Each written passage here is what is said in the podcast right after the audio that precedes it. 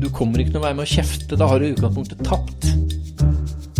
Det hadde jo ikke vært noe bystrender i Bjørvika hadde det ikke vært for oss.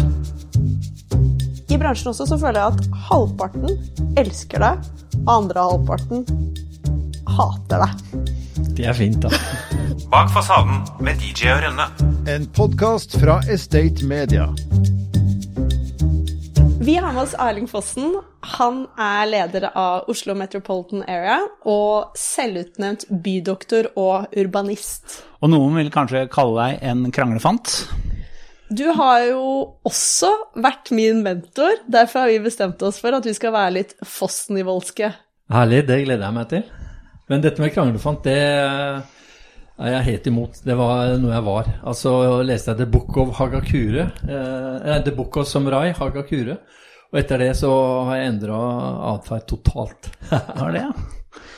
Du er jo litt opptatt av å leve som en samurai. Kan du forklare det? Det er helt korrekt. Det er jo veldig mange ledere i, i næringslivet har lest um, Art of War, som, som, er sånne enkle, korte grunnsetninger om hvordan du skal beseire en fiende og en strategi. Og The Book, uh, Book of Samurai er eh, egentlig akkurat den samme, og det er veldig bra eller Tenk deg at denne boka fikk skylda for at Japan ble militarisert og starta eller gikk med i andre verdenskrig. Men det som er helt basicen med den, er, er en holdning om når du møter et annet menneske, og så liker du ikke atferden, da er det din plikt å endre den atferden, men da må du gjøre to ting. Du må først få tillit, slik at den andre ikke oppfatter det som en sånn busemannkritikk. Og så må du formulere deg på en slik måte at vedkommende har lyst til å gå den veien som du skisserer. Og det gjorde jeg ikke før, men det er det jeg gjør nå. Fordi jeg er like opptatt av å få viljen min. Er det derfor ikke vi helt fikk til den mentorordningen min? Jeg mener at du er en av mine største suksesser, Silje. Du er veldig godt selvgående. Du er mye mer fokusert nå enn før, og så får du viljen din alltid. Fantastisk. Men Erling, jeg alltid, hver gang leser, vi leser om deg, eller skriver om deg, så er det Oslo, Oslo, Oslo. Eh, når, var, altså liksom, når, var, det den voldsomme forelskelsen til Oslo kom? Mm, ja, det, altså sånn, Jeg er født, født og oppvokst på Bogerud, på østkanten, eh, i rekkehus der. Og så vokser du opp, og så begynner du å lese radio og høre på, og så får du liksom anti-Oslo-budskap. Tyter ut av NRK. Det tyter ut av de politiske partiene, særlig på den tiden. Og jeg husker jo at jeg satt i Oslo Arbeiderpartiets programkomitéarbeid foran lokalvalget 1994. Og så måtte jeg slåss for å få inn at Oslo er et bra sted å leve.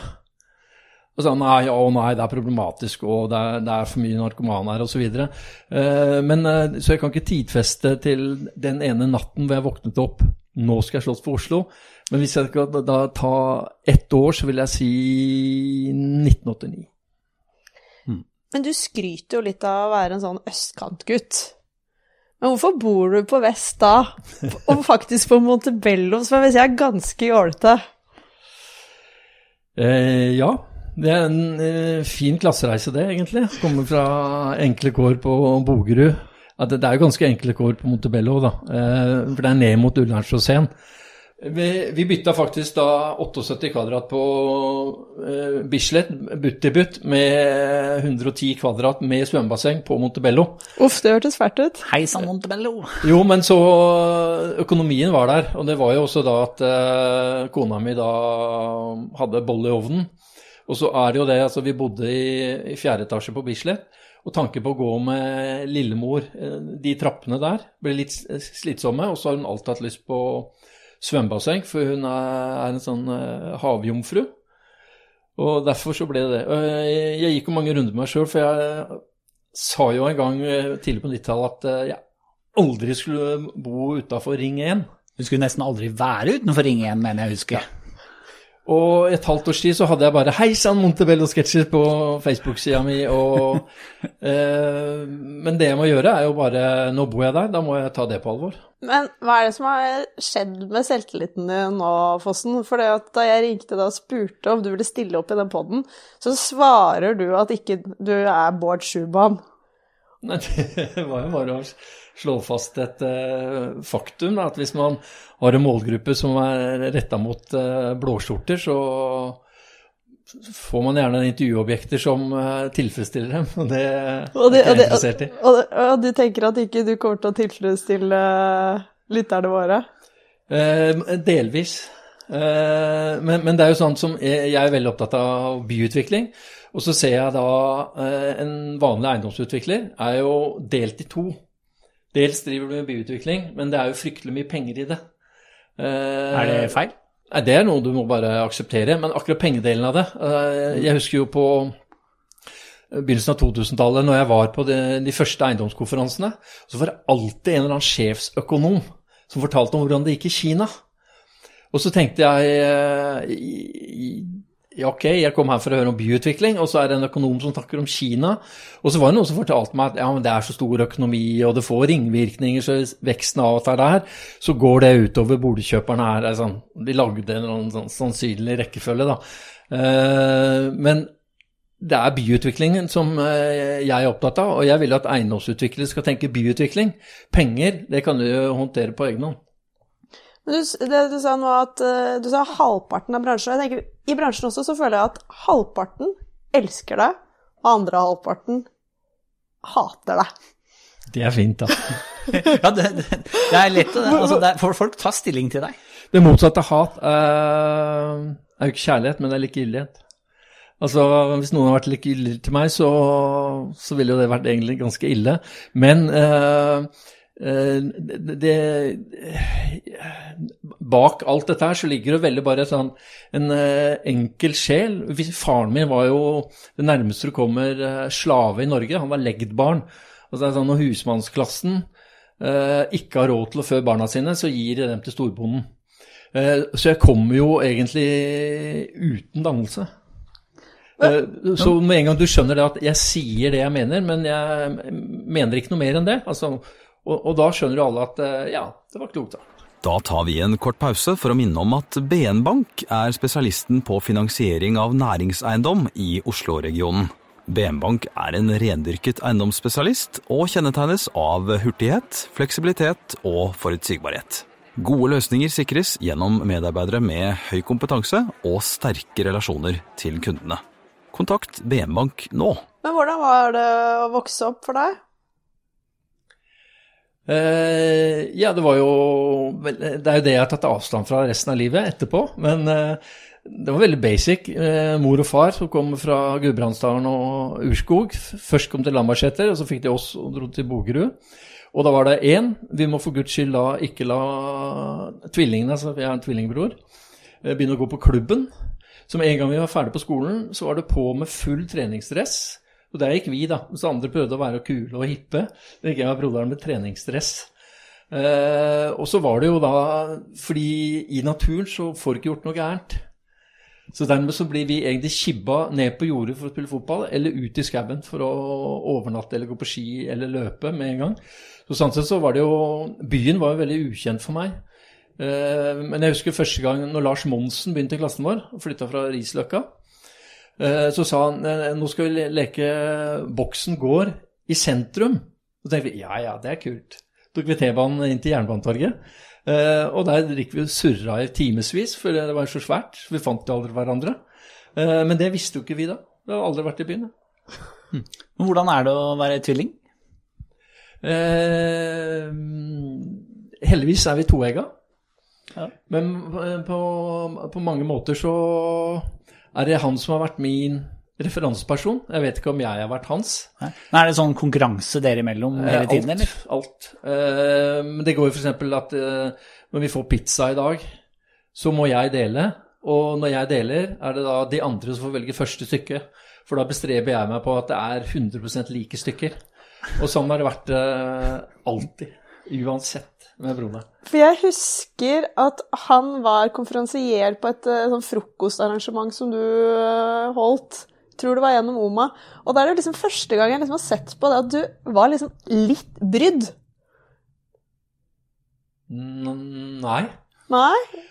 Uh, jeg, jeg kan ikke si at jeg, følelsen opp, din er feil, men jeg, jeg oppfatta det sånn han, han var kjempeflink, men det liksom, jeg, jeg oppfatta det liksom at eh, Ja, du så litt brydd ut, men du var kanskje ikke det. Nei, da, da vil jeg heller uh, snu på det. For jeg er jo veldig stolt av han, for han er jo, jeg er bydoktor, han er organisasjonsdoktor.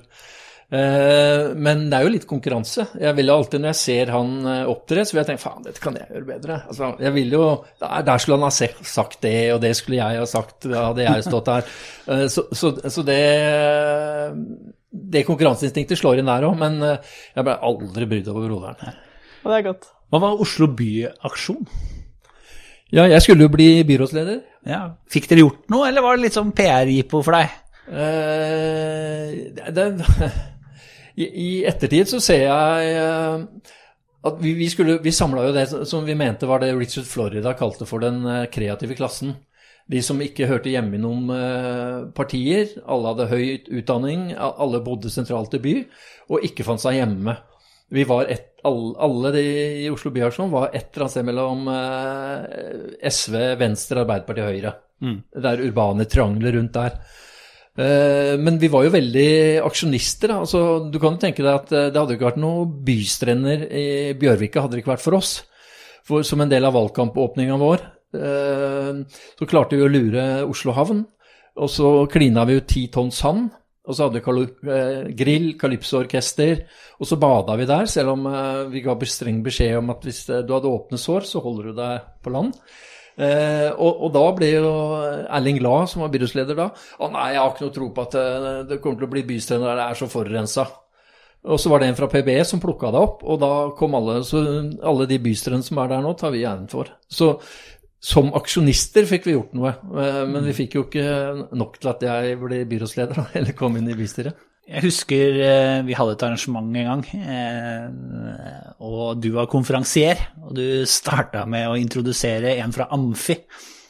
eh, Og sa vel at nå skulle du presentere han representant for en av de som har ødelagt flest byer i Norge. Og arrangøren holdt jo på å få hjerteinfarkt, da. For, var det litt mer krutt i deg før? Vi, vi har liksom snakket litt om det. Har du blitt mykere med åra, eller er det bare det at du liksom må smiske med alle utbyggerne nå pga. Oma? Vi vil, gjerne et, vi vil gjerne et ærlig svar på det. Ja, det, det er en kombinasjon. Eh, Jeg kan også lese eller høre med hva skal vi si, gamle, gamle Fossen, og tenker bare wow, for en power.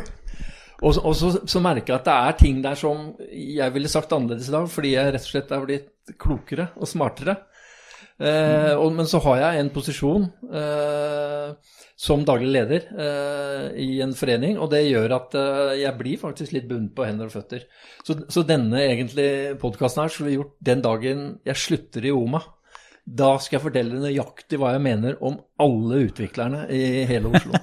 Ja, fordi du Nå har du fått også en styreleder som kanskje kontrollerer deg litt mer. Du har jo eh, kjørt ditt eget løp før. Ja, eh, men det er, jo det er jo et sånn eh, Jeg har jo drømmejobben. Ja. Og i styret mitt sitter jo alle topplederne i de største eiendomsselskapene. Eh, og nå har jeg fått Mattis Grimstad, og da var jo veldig mange som tenkte at eh, nei, dette her kommer ikke til å gå bra. Men så sa jo leder av valgkomiteen eh, det må bli Mattis, for han er den suverent beste kandidaten. Men vi er like gamle. Nøyaktig like gamle. Og så ser du at vi egentlig har noe av den samme stilen. Men det som jeg digger med Mattis, er jo at han er veldig large. Han har veldig mye selvtillit. Så du, du kan si, være kvass mot han uten at det får noen konsekvenser. Bare preller av på selvtillitslaget hans. Og så er han veldig fokusert på hva, hva som er det riktige å gjøre, så glemmer du alt annet. Blir det her litt som deg og tvillingbroren din? Jeg, jeg begynner faktisk å måle meg litt mot han, ja. Rett og slett. Sånn, ja, hva ville Mattis ha sagt nå? Hva ville Mattis ha gjort i denne situasjonen? Det, det begynner å bli mer og mer sånn. Brekkhus advokatfirma rådgir norske og internasjonale kunder innen en rekke sektorer. Våre eiendomsadvokater kjenner eiendomsbransjens muligheter og utfordringer, og bistår ulike aktører i utviklingsprosjekter, transaksjoner, megling, utleie og tvisteløsning. Vil du høre mer? Kontakt oss på post at breikhus.no. Men eh, har, du, har, du, har du behov for å skille deg ut og være litt annerledes? Gå med lilla skjorter når alle går med blå skjorter? Ja, det er jo fordi jeg, jeg er litt tater. Uh, du slett faren min. Uh, han dro ned på Grønland og kjøpte Den gang kalte vi det stanerskjorter, da. Det, kan jeg ikke gjøre da, men det er sånne polyesterskjorter som så, sånn med påfuglfarver. Og de arva jo jeg. Veldig naturlig. Uh, men det som jo er interessant, for tvillingbroren min var på eh, Gikk i sånn familieterapi med ekskona. Og så blir han spurt ja, du er jo tvilling, og så, dere har jo én identitet, er det litt vanskelig? Nei, nei, nei. Og, og det er eh, underforstått at den identiteten vi fikk, den har han tatt. Og så har jeg en måte fyke rundt i skauen og overalt for å prøve å finne meg selv. Da. Så det har gjort at jeg har fått en mye mer uro som tvilling enn tvillingbroren min. Ja, det syns jeg du må utdype litt mer. Du har fått mer uro. Ja, for du, øh, du får ikke naturlig identitet øh, om hvem du er, fordi den har broren din rappa. Altså det, når du er så tett, du går sammen hele tiden, du sover sammen hele tiden, du har, vi hadde de samme vennene, eh, så blir det litt kluss der. Og da blir det også sånn at han var den sindige, skolelyset, den sindige. Og da måtte jeg, for å bli synlig, bli litt mer den apekatten. Og litt uflid. Eh, ja, det deler vi. Men du er jo gift med en kjent feminist. Men du slår meg jo ikke akkurat uh, som en type som liksom fremmer kvinnesaker. Nei, men vi har, vi har jo krangla mye om det. Om min urbanisme og hennes feminisme. Altså, jeg bare mener at feminismen er en naturlig del av min urbanisme. Fordi uh, En sånn underkategori. Ja, underkategori. Og hun mener vel det motsatte. Men det, Men hva, hva mener du, er det det med at folk flytter til byene, og da blir, vil flere kvinner utdanne seg og sånne ting, eller er det Veldig. Eller hva, hva er det liksom som ligger bak den tanken? Eh, du kan spore tilbake til eh, Camilla Collett, eh, som egentlig var ganske fattig, men reiste rundt i forskjellige byer og definerte da egentlig en storby. Eh, og da hadde hun vært i Berlin, og der følte hun seg trygg. Men når hun var i Kristiania, så følte hun seg ikke trygg. Eh, Så eh, en urbanist må egentlig heie på eh, en by hvor alle er trygge, inkludert kvinner. Eh, Og så er det også det der sosioøkonomiske. At med en gang damer flytter til byen, man får færre barn, de tar høyere utdanning, de går ut i arbeidsmarkedet, og så får du jo en, sånn en likestilling eller sånn, hvor alle blir sett på som individer framfor mann og kvinner. Og den er jo identisk mellom feminismen og urbanismen. Hva er meningen med livet, Erling? Å bli den beste utgaven av seg selv. Nå hørtes det ut som en sånn der selvhjelpsbok.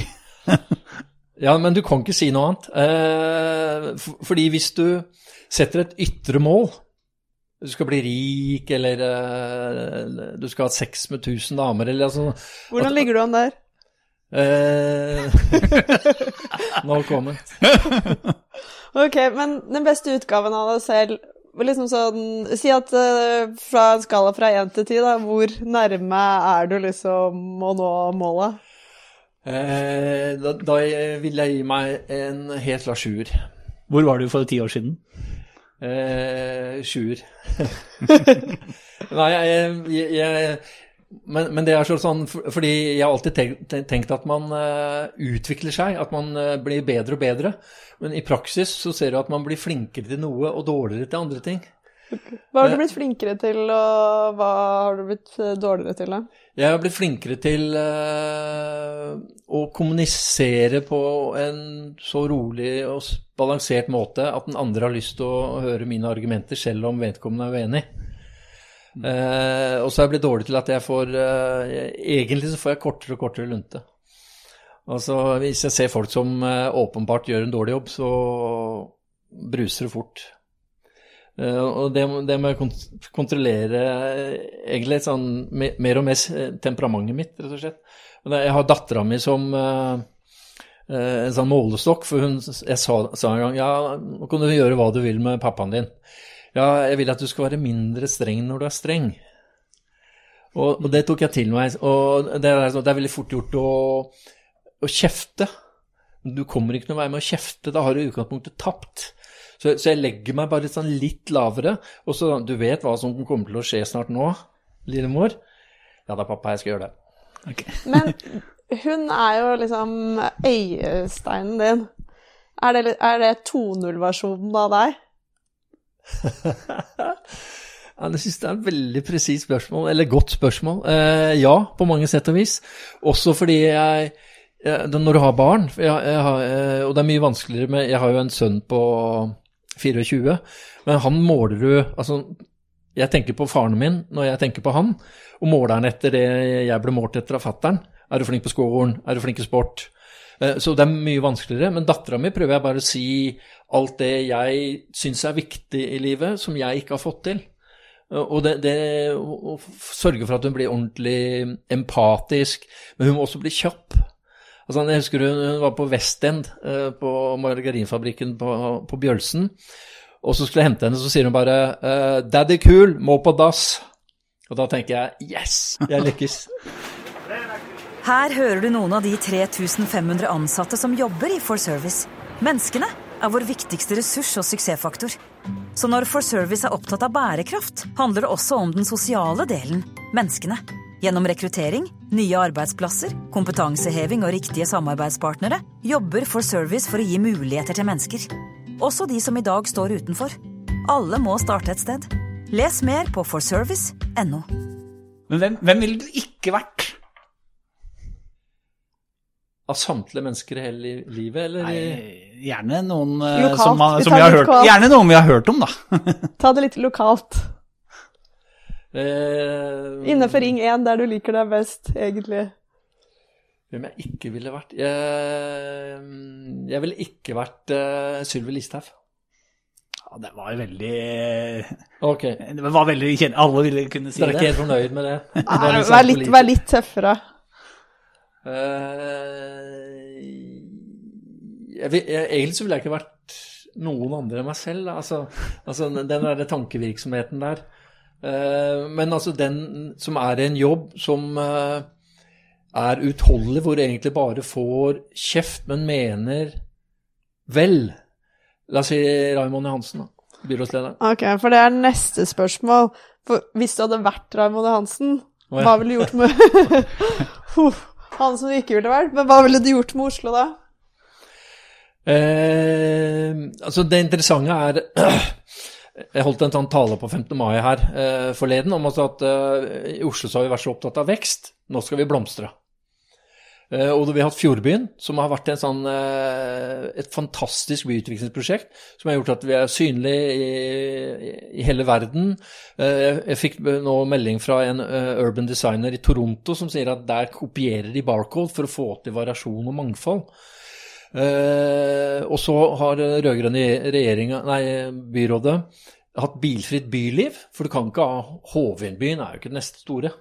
Fjordbyen er det som satte oss på kartet. Nå går vi et annet, nå blomstrer vi.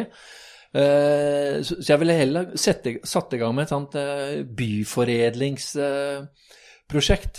Og, det jeg ser eh, som er et sånt stort problem, ikke stort problem, men som er det mangel i Oslo versus andre større byer som har større selvtillit, er jo at vi gir ikke minoritetene rom til å være minoriteter. Vi vil at de skal bli så norske som mulig så fort som mulig, istedenfor å etablere Little China eller Little Somalia eller hva de gjør, sånn som de gjør i London, hvor de faktisk kan bo. og Mange av dem kan ikke integreres i det hele tatt, behøver ikke å lære seg språket. For de fungerer et velfungerende fellesskap. Og så byr de på kulturen sin, at de får lov til å farve bydeler. Eh, Det diskuterte vi med Nazneen Khan, som nå er Oslo-kommentator, som er oppvokst eh, eller barndommen i London, og, og det mangler vi i Oslo. Så jeg, det er akkurat der tror jeg ville satt inn støtet. Det blir kanskje litt få kinesere i Norge til å ha et eget China- Chinatown i Oslo? Eh, det har vi. Da må vi være litt rause på grensene. Eh, eh, men vi, vi har eh, For hun definerte altså i London tror jeg det er 50 nasjonaliteter med flere enn 10 000 innbyggere. Men vi har fire, da. Ja. Eh, pakistanere, somalere, polakker, svensker. Svenskere, svensker er jo bare her, og så stikker de hjem igjen. Polakker delvis det samme, men somaliere og pakistanerne kunne vi da brukt mye bedre som ressurs i byutvikling i Oslo. Hva skulle aldri vært bygd i Oslo, Fossen? Eh, Det er galleri i Oslo. Altså Veldig fascinerende. Altså, men, men, det var jo han eh, på 80-tallet hvor man begynte å diskutere det, så ble det realisert på 90-tallet. Da, da, var det sånn Oslo skulle bli kongressby. Hva er det vi skal leve av nå? Eh, vi skal bli kongressby, så kom SAS-hotellet i 77. Og så begynte vi, eh, istedenfor å være stolt av det vi fikk til, sosial boligbygging og det Obos klarte og det Selvåg klarte, så begynte vi å jakte på ting vi ikke hadde, men som vi mente vi mangla. Eh, og Galleri Oslo ble et sånt fullstendig mislykka prosjekt fra dag én. Både ved at du får en sånn lang, uh, uavbrutt mur, men også det der at du får da ett bakeri som har en croissant, og så var reklamen var 'Opplev en bit av Paris'. og så da tenker jeg du, du bare Du gremmes. Altså den der manglende selvtilliten som man hadde da. Eh, så jeg ville starta der, og så ville det bare flomme over med masse energi, og så tar vi resten. Mm. Hvilke områder er det du ikke har troa på i det hele tatt i Oslo? Eh, er det lov til å si Gjersrud Stensrud, eller er det for langt unna? Den ligger jo 20 år fram i tiden. Eh, Helsfyr. Hvorfor? Eh, det er en infrastruktur her med motorvei og, som ødelegger alt. Det er nesten umulig eh, å komme seg over der. Og eh, jeg husker jeg besøkte Helsfyr med en canadisk urbanist, eks-byplansjef i Vancouver, som het Brent Todrian. Og han bare så Helsfyr og sa This area needs a life plan. Men også at alle næringsbyggene har overflateparkering. Altså, det er jo bare biler som kan elske Helsfyr. Og det, du får gjort noe rundt Fyrstikktorget, tror jeg, på, på, kort tid. Eh, eller på lengre tid. Men eh, øvre delen av Helsfyr, glem det. Men skal man ikke ha noen områder i byen hvor det ikke trenger å være liv og røre og uh, den type? Nei, um, igjen et godt spørsmål. fordi man kan jo tenke seg nå at nå skal alle områder i hele byen ha den samme kaffebaren ha de samme tilbudene. Eh, men, men, det kommer jo ikke noe godt ut av rene boligområder. Uh, og hvis vi skal koble oss på dette eh, angrepet på Løren altså det er jo, Jeg vil nyansere det. Det er jo deler rundt Løren torg hvor det er en kaffebar. Uh, hvor det fungerer. Og så går du ned Lørenveien. og så, Det er ikke et sted hvor du tenker yes, her er, som er en fryd for øyet. Og så har du gått 50 meter, så har du bare poppa opp masse kreative ting i huet ditt. Det skjer jo ikke der. Eh, så på sett og vis må du jo klare eh, å blande litt by også inn i boligområder. Blir du eh, kreativ når du går i Kvernebyen? Uh, Førsteetasjene i Kvernebyen syns jeg er uh, Det var ikke det jeg spurte da, men jeg spurte om du ble kreativ når nei. du gikk i Kvernebyen. Nei. Hvor er, det du, hvor, hvor, hvor er det du blir kreativ, da? Eh, Harbits torg. Jeg tar eh, elsparkesykkelen min ned fra Montebello, så setter jeg meg der på laboratoriet eller går på lokal. Eh, fordi der ser du også det der for veldig mange utviklere har, har ikke vært flinke nok til å ta vare på gamle bygg. Mm. Og det som er laboratoriet, som har fått da helt ny innmat, som er et gammelt laboratoriebygg hvor du lagde piller, Uh, hvor Runar Eggesvik har egentlig fått boltre seg. Altså, det skaper en sånn dynamikk mellom de nye bygdene og de gamle bygdene som gjør at det, det er en eller annen sånn spenning uh, i det området som du ikke får hvor det bare er nybygg. Bak fasaden med DJ og Rønne. En podkast fra Estate Media.